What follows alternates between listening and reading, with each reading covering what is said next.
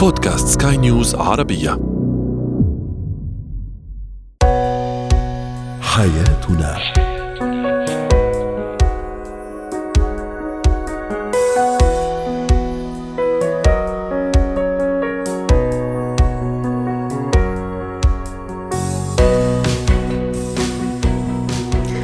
مستمعينا الكرام أهلا بكم معنا إلى حياتنا فضاؤكم اليومي الذي يعنى بشؤون الأسرة وباقي الشؤون الحياتيه الأخرى والذي يمكنكم الاستماع إليه عبر منصة سكاي نيوز عربيه dot com slash podcast وباقي منصات سكاي نيوز العربية الأخرى. شاركونا عبر رقم الواتساب 00971 561 ثلاثة. معي أنا آمال شاب. اليوم نتحدث عن كيفية دعم الشريك إذا كانت لديه مشكلة ما. أيضا كيف أحمي الطفل من قلق الانفصال بعد الفطام؟ وأخيرا كيف نتعامل مع الشخص الذي يعاني من الانطوائية؟ ونساعده على الخروج من هذه العزلة والإنعزالية والانطوائية. هو وهي.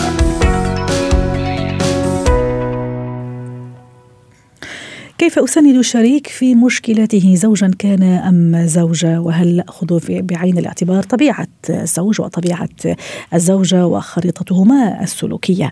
للحديث عن هذا الموضوع رحبوا معي بالدكتورة ريما بجاني الاستشارية النفسية والأسرية. يسعد أوقاتك يا دكتورة ريما. أهلا وسهلا. أكيد كل واحد منا يمر في فترة من حياته وفي أيامه أيضا. أحيانا في بعض المشاكل البسيطة المشاكل العابرة أحيانا في بعض المشاكل المعقدة المتوسطة. يعني حسب لكن في كل الأحوال نحتاج إلى دعم نحتاج إلى سند آه، وفي العلاقة الزوجية أكيد الداعم الأول والسند الأول هو الشريك الزوج أو الزوجة. كان هذا سؤالنا التفاعلي في الحقيقة كيف تدعم شريكك إذا كانت لديه مشكلة ما؟ تعليق يقول أستمع إليه وأتركه يعبر عما يزعجه. أيضا تعليق يقول الصديق وقت الضيق والشريك هو أعز صديق لكن ملاحظة بسيطة شريكي العزيز إذا كنت تريد دعمي في لحظة ضيقي فلا آه، تعد على ملخص لما جرى بالأمس فالذي حدث حدث بل أخبرني عن غدا فهو الأهم اما إذا كان دعمك لي يتلخص بإعادة فتح تلك المواضيع فسكوتك يا شريكي العزيز هو اكبر دعم. تعليق آخر يقول انسحب وأتركه يحل مشاكله براحته ثم إذا أقبل وطلب مني المساعدة من دون شك سأساعده. دكتورة ريما طبيعة كل شخص منا هل عندها علاقة ودخل كيف أساعد اساعده أو كيف أقدم له المساعدة والمساندة إذا كان محتاج لها؟ صحيح أول شيء مرحبا للجميع أهلا وسهلا وأكيد في طريقة تفاعلنا مع المشاكل أو كيف نعطي ال support الدعم للشخص اللي حدا إن كان شريك أو والدي أو طفل أو رفيقنا بتختلف يمكن اليوم إذا بدك نلخصهم بثلاثة category كبار بثلاث هيك مواقف كبيرة كيف الإنسان بيقدر يكون عم يتفاعل مع الشخص اللي حبه رح ناخذها بهذا الإطار. وخاصة إذا الشريك ولفتني كثير حبيت حدا من المستمعين قال من الناس اللي تفاعلوا إنه الشريك هو صديق كمان. هي أهم شغلة نحن بنقولها هيدي بالأساس. فإذا أنا اليوم كيف بلخصهم؟ في ثلاث مراحل أساسية. أول شيء أعترف إنه عن جد الشخص اللي قبالي عم يقطع بمشكلة وهلأ بقول لك شو معناتها اثنين أنا أشتغل على حالي. how I'm gonna react يعني؟ أنا كيف بدي أتفاعل مع هذا الموضوع؟ ثلاثة to have fun اتسلى. هلا رح أقول لك شو يعني كل وحده بعتقد أنا اتسلى؟ كيف أتسلى. رح اوصل طيب. أول وحده اليوم أنا بدي أول شيء بتعرف أوقات الشريك بدون قصده. يمكن هو تيكون منيح مع شريك إنه بسيطة ما بدها هالقد منا هيدي مشكلة. وقت اوصل recognize the problem يعني أنا أعترف إيه في المشكلة. مثل ما قلت بالمقدمة كثير حبيت إنه فيها تكون صغيرة فيها تكون كبيرة. please ما نبيخها. اليوم يمكن أول شغله بنعمل إذا رحنا شوي هذا الاطار السلبي إنه أنا اليوم تكون عم بدعمه بكون أنا عم بيخ له مشكلته بكون عم ضره. فاذا أول شيء أعرف أنا إنه شريكي وقت يكون عم يقطع. وهون يمكن بجاوبك كمان مش بس ال support relative على person كيف كل إنسان بياخذها هو على عاتقه من منظاره. كمان المشكلة كل إنسان بياخذها من منظاره. يعني اليوم إذا أنا بعتبرها منا شيء مهم بالنسبة لشريكي شيء كثير مهم. فبالاول وحدا من كنت رح أقول لك كل شخص منا يا دكتورة ريما صحيح. يعتبر مشكلته هي أكبر مشكلة في الكون يعني حتى وإن كانت بسيطة. 100% مشان هيك؟ يمكن أول support ببلش لك إنه اليوم أنا بدي أدعم شريكي أول شيء اعرف إنه أنا اليوم أعطيه وقته وحدا من المستمعين قال بسمع له. صح. بالأول لازم اسمع تعرف أنا هو شو عم بيفكر بشو عم يقطع. بعدين ببلش جرب ساعد so اليوم نحن اليوم المساعدة وال support بده يكونوا كثير مدروسين. وأساعد إذا طلب مني أساعد يا دكتورة ولا لا؟ لأنه أحيانا ما يطلب مني وأنا أروح أساعده ممكن يعني أزيد الطين بله أحيانا ما أعرف. أختار الوقت المناسب. أحيانا إذا ما ساعدت يا أختي صارت أنا مش مهتمة بيها أو مش مهتم بيها. فكيف المساعدة؟ مشان هيك كانت تحكوا رقم اثنين أنا أول شيء ما يكون في critique وراح أوصل للي كنت عم تقولي لي إذا بساعد أو لا. لأنه حتى لو بدي أروح ساعد أو ما ساعدت بتلاقينا أوقات عم نعمل critique أو أوقات critics أو أوقات نحن عم عم نلوم يعني أو عم عم ننتقد. أو نصدر أحكام. صحيح. ببعض الأحيان نحن وعم نساعد بنحسس الشريك انه هو مش قادر. هذه كمان كثير الاهل بيعملوها مع أولادهم. أنا بضل أستفيد من الوقت وعلى طول أحكي عن أهل مع الأولاد إنه بنحسس الشخص اللي حدا أنت مش قادر بطريقة اللي عم نساعد بنحسسه إنه أنت مش capable منك قادر وأنا لازم ساعدك. هون أكيد بهالمنظر بهالإطار لا please ما تساعده هيك. هون بجاوبك إنه لو هو ما بده مساعدة إذا بدك أوصل لك دغري على المحل اللي حبيتي هو التسلية. إيه حابة أسمعه صراحة. جرب أنا اليوم يمكن إذا ما قدرت ساعده بالمباشر أو يمكن ما حكاني على أكيد ساعده إنه يزيح شوي عنا. يعني تساعده أنا أكون اليوم كون هيدا الشريك اللي عم بيساعد بأوقات تعب ومشاكله امن له إذا بدك هيك بمحلات بعد التسلية والترفيه. يمكن نروح نتمشى أنا وياه له مثلا روح شوف أصحابك I don't know هون في بدك قد ما بدك نقول يعني نتسلى. واليوم كمان من الطرق اللي في يكون عم تساعد فيها شريكي in case ما عم تساعده بالمباشر كون عم تعمل بطريقة غير مباشرة أنا عم عم ريحه شوي. وأنت بتعرف امل نحن اليوم إذا زحنا شوي عن المشكلة وبعدنا شوي عنها كان اشعاع أحسن. صح. يعني نكون كمان عم نساعده بطريقة غير مباشرة. رائع. كمان دكتورة الخريطة السلوكية للرجل والمرأة كمان بتصور تختلف. يعني المرأة أبسط مشكلة أو حتى مشكلة يعني كبيرة ولا هذا بتلاقيها على طول بتحب تفضفض وتحب تحكي ممكن حتى تبكي وما عندها مشكلة تحكي لاما لصديقتها لاختها ممكن حتى أحيانا لجارتها وأنا أفتح قوس يعني أنا ماني مع الموضوع لكن قصدي المرأة بطبيعتها تحب تحكي تحب تفضفض. تتوقع لما تكون عندها مشكلة أنه هالزوج يعني يجي يسألها وهي تفضفض وتبكي وهو يطبطب؟ إذا ما عمل هالشيء يعني هو مش سائل. الرجل ممكن كمان بطبعه يعني يحب ينسحب لكهفه ويراجع أموره يقعد في خلوته بين قوسين خلوة مع ذاته ويراجع أموره. كمان إذا اقتحمت هذا الخلوة المرأة طبعا هي بنية طيبة بدها تساعد ممكن يصير مشكل.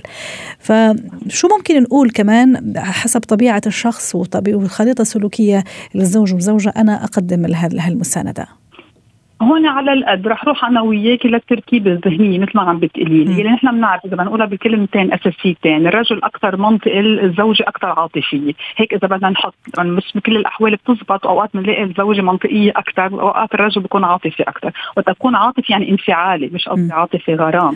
نعم نحكي في المشاكل دكتورة ريما صح؟ هذا هذا التصنيف. أكيد أكيد بالمشاكل. الرجل بأغلب الأحيان منطقي أكثر بيروح أكثر على الحلول المنطقية شيك ما عم يبكي أو مثلا منزوي so بينما المرأة هي أكثر عاطفية انفعالية بتروح بانفعالاتها ال emotions okay so نحن اليوم هيدا الاختلاف مثل ما قلنا بالذهنيتين. اليوم ما بعتقد رح لاقي الزوج قادر يسمع زوجته عم تبكي بعتقد إذا شوي عم كون أنا هيك شوي بعرف بالتركيبه الذهنية. مشان هيك اليوم لأنه لأنه يعني ما يتحمل يشوفها هي تبكي ولا لأنه المنطق اللي عنده بيقول لا هل هالمشكل ما يستدعي كل هالبكاء وهالدموع وهال الاثنين؟ فينا نقول الاثنين. لتنكون شوي كمان نحن مقدر إنه هو بحب زوجته كثير بدها تكون زعلانة. على لا حرام. في في رجال يعني عن جد يعني ضعيفين أمام امام الدموع ما يقدر يتحمل دموع زوجته. صحيح صحيح. ولأنه كمان بعض المحلات بقول إنه ما بدها هالقد. كثير بسمعها هالجملة صراحة إيه. يعني. مشان هيك مثل ما قلت أنا مش مع الفضفضة لمين ما كان. أنا اليوم يمكن رح أروح للمنطق حتى عند المرأة لأنه المرأة عندها كمان منطق وكثير عالي okay؟ اليوم يمكن الشغل اللي بدنا نعملها أنا اليوم ضروري أحكي. كمان ما بدي أمنع حالي من أنا أحكي. البكي بيفيد بيطلع الضغط بس مش هو الحل. يمكن اليوم أنا عم كون شوي كمان pragmatic عم كون أكثر موضوعية عم بروح دغري للحل. اليوم أنا إلي حق أبكي وخبر همومي بس أنا اليوم كمان بدي اكون عم بري مع هالمنطق اللي عندي وأقول أنا كيف بدي حلها لمشكلتي.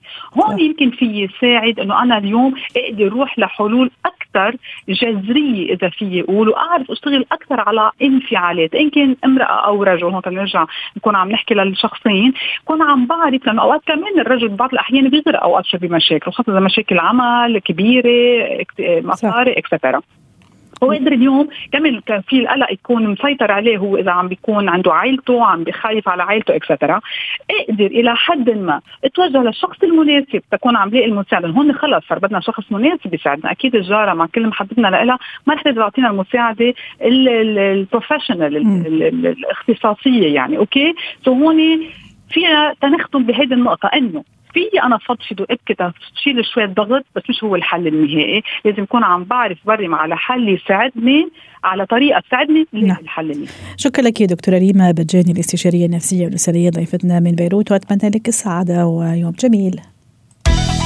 زينة الحياة. كيف نحمي الطفل من قلق الانفصال بعد الفطام؟ للحديث عن هذا الموضوع رحبوا معي بدكتورة بدكتورة هبة شركس الخبيرة التربوية. يسعد أوقاتك يا دكتورة هبة. في البداية ما هي أعراض قلق الانفصال عند الرضيع؟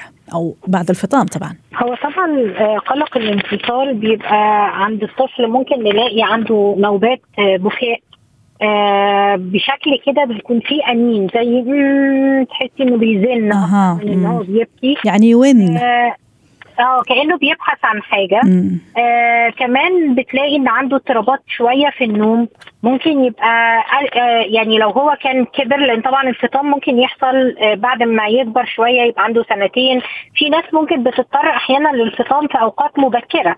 يعني ممكن الأم نتيجة لتعرضها لأي حاجة أو لجفاف الحليب أو لأنها حامل مرة تانية. أحيانا بتضطر للفطام وهو لسه رضيع فساعتها بنلاقي عنده آه يعني عدم رغبة في تناول الطعام. بعض الأطعمة البسيطة اللي كان بدأ ياكلها يبدأ آه تقل رغبته في تناول الطعام يبقى في زن فترات من الأنين والزن ممكن الخوف أيضا دكتورة؟ آه، أحيانا لما بيكون طريقة الفطام غلط ممكن الطفل يبقى عنده خوف وممكن يلازمه هذا الخوف فترات طويلة. أه. يعني بعض الأمهات بيستخدموا طريقة الفصل التام للطفل زي إن هي تدي ابنها لأختها أو أمها وتسيبه عندهم كام يوم. يعني شوك شوك يعني صدمة. آه بيبقى شوك بالنسبة للطفل. طبعا دي مش طريقة صحية بالمرة. آه بس بعض النساء مثلا لما بيكون عندها توأم ومش عارفة تفطمهم هما الاثنين مع بعض بتلجأ لهذا الأسلوب ولا اصيبي بس ده طبعا بعده كمان بيكون في موضوع إن الطفل عنده قلق آه كبير شديد جدا وبيبحث عن أمه طول ما هو قاعد بيلعب وبعدين فجأة يصيح ويلتفت حوله كأنه بيبحث عن أمه. لأن هو حاسس بانه ممكن في اي وقت يتغدر بيه آه. كلمة كبيرة شوية صح صح. بس هو فعلا ده الإحساس اللي بيبقى عنده مش حاسس بالثقة والأمان أنا مرة واحدة كده سبته وبطلت أرضعه وسبته عند أمي أو عند أختي فمهما حاولوا يبذلوا مجهود فهو برضو الطفل مفتقد حاجة أساسية وبشكل مفاجئ بدون آه، تدرج. ورابط أساسي ورابط أساسي كمان يا دكتورة آه، دكتورة هبة. أنا ليش كمان اشرت لي الرضاعه دكتورة أنا ليش كمان أشرت لموضوع الخوف؟ أنا كنت أقصد كمان الخوف من من وجوه الغرباء يعني عرفت كيف؟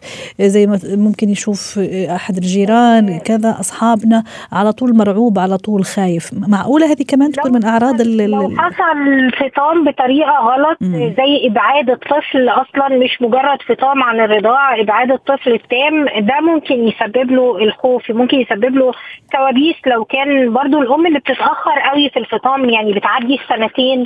وهي مستحلية الموضوع وال baby مستحلي الموضوع. فدول برضو لما بيبدا يحصل فطام آه، بيبقى فعلا الطفل صعب عليه إن هو ينفصل عن الأم. وممكن الطفل يتاخرنا قوي في فطامه يبقى عنده صعوبة كمان لما أجي أدخله الحضانة أو أدخله المدرسة.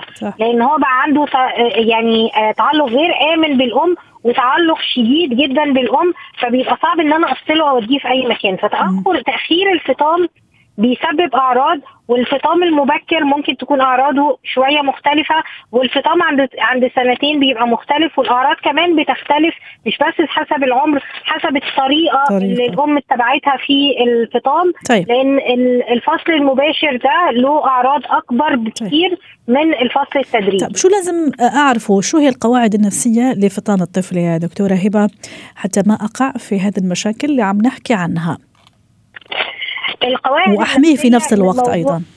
إن الموضوع يكون تدريجي وإن أنا أتأكد إن الطفل بيتناول طعام الأمهات اللي بيضطروا للفطام يعني بيراجعني كتير من الأمهات بتضطر للفطام قبل سن الست سنة آه، ست شهور اللي هو بيكون الطفل ممكن يتناول فيه الطعام بس بتديله آه، حليب صناعي.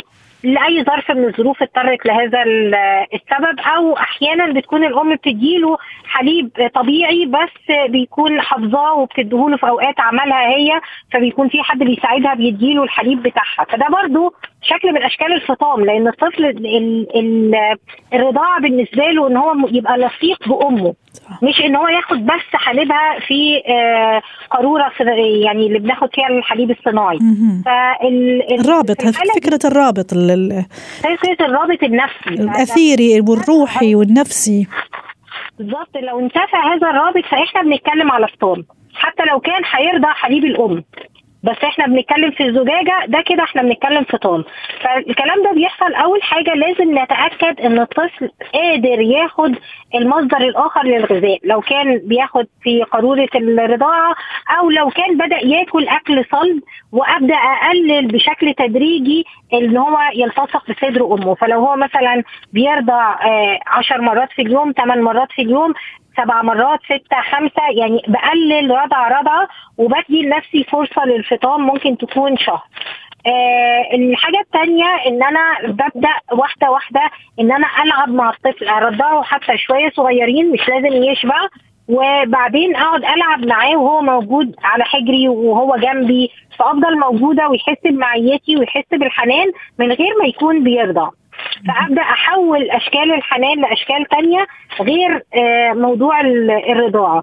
آه، الحاجة الثالثة إن أنا بلاش أحط الطعم المر على الصدر وبلاش ال ال يعني هذه الأفكار لأن أنا مش هدفي إن أنا أك يعني أكره الطفل في الأم أو أكره الام الطفل في الرضاعة الطبيعية لكن هدفي إن هو يبقى غير معتمد على الرضاعة الطبيعية وهو الطفل بيبقى مهيأ. لأن هو آه على ذكر إنه مهيئ كمان دكتورة كثير مهم إنه الأم يعني تتبع إحساسها وحدثها في الحقيقة لأنه هي أكثر واحدة عارفة حول استعداد طفلها كمان استعداده النفسي صحته وزنه مدى تعلقه بها لأنه كمان في بعض الأمهات وكأنها تحط تارجت مثلا تقول لك من هون لشهرين أو خلينا نقول مثلا بعد قبل رمضان أو بعد رمضان مباشرة أكون أنا خلص خلصت العملية وفطمته فكمان أتصور المدة هذه تحديد المدة شوية مش كويس ما راح يكون لصالحها ولا لصالح الولد.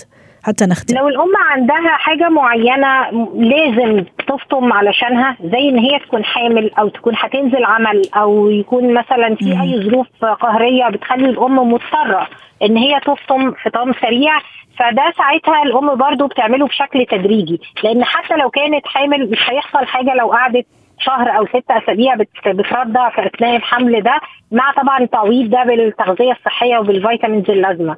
فمهم إن أنا أدي لنفسي وقت وإن الوقت ده هو مش يعني مش مقدس هو ممكن يطول شوية مم. ممكن يقصر شوية على حسب ما يكون في ضغط كمان ضغط لأنه الوقت يعني ضغط. ولا الأم مضغوطة ولا. الطفل مضغوط. 100% الأم المضغوطة بتصدر الضغط لابنها وبتصدر العصبية والتوتر لابنها فالعملية لازم تمشي بحب وحنان.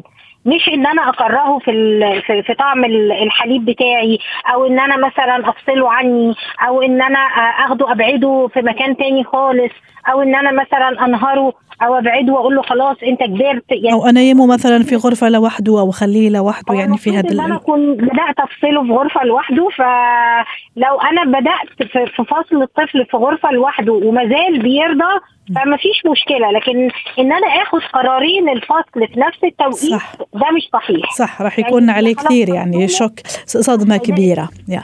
شكرا لك دكتورة هبة شركس الخبيرة التربوية ضيفتنا العزيزة من أبو ظبي وأتمنى لك يوم جميل وسعيد. مهارات الحياة. لا شك أن الشخصيات أنماط مختلفة. اليوم نتحدث عن الشخص الانطوائي الذي يفضل أن يكون دائما وحيد منعزل.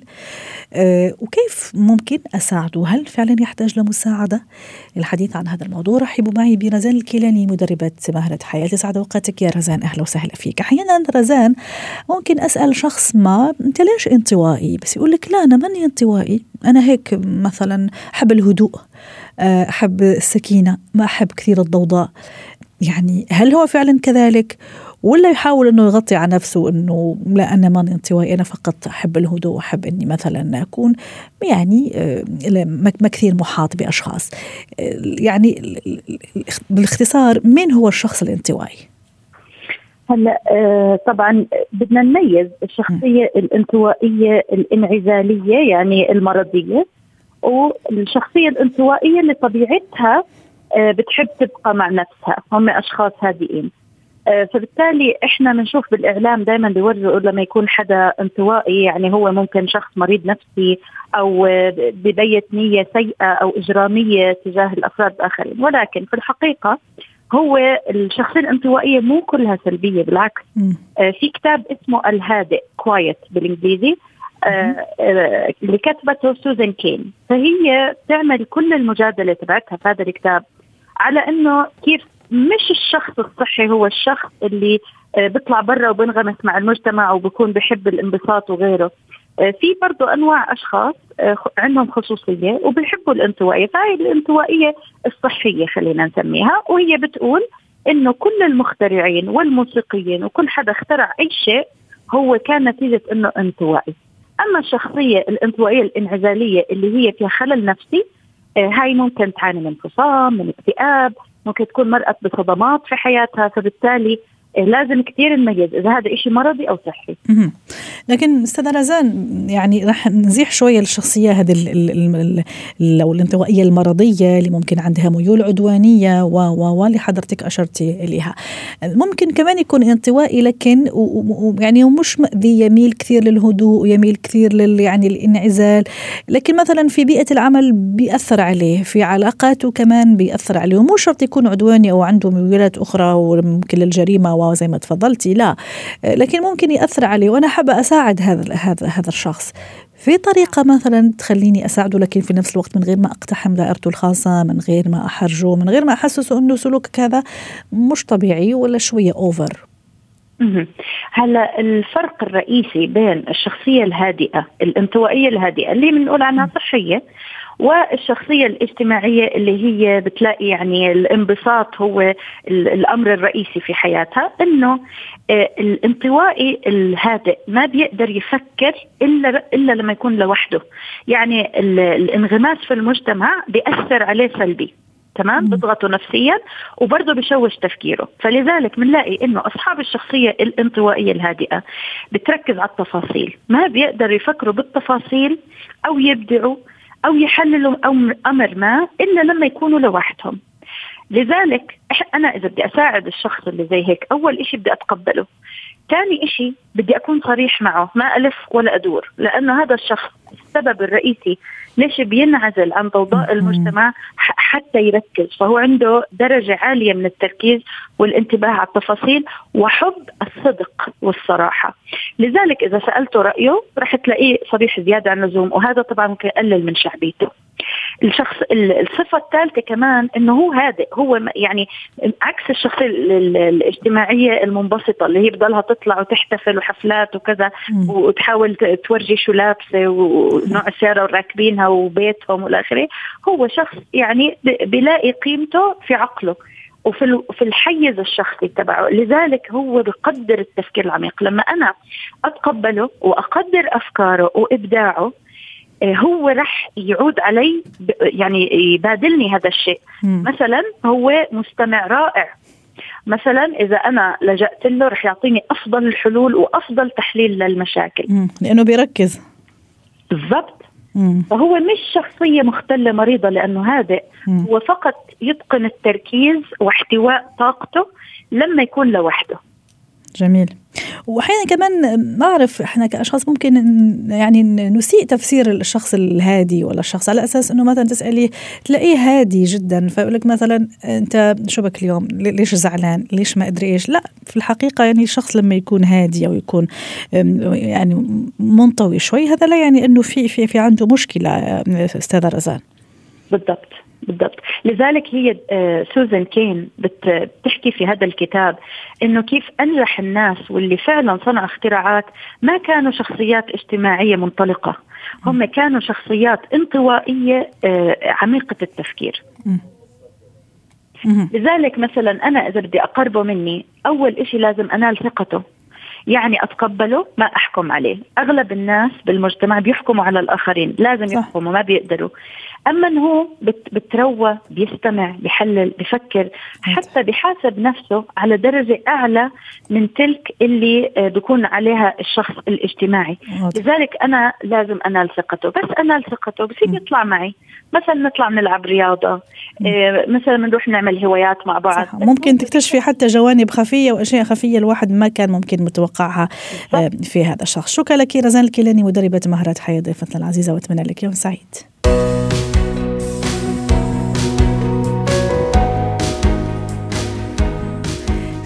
اليوم من حياتنا. شكرا لكم وإلى اللقاء.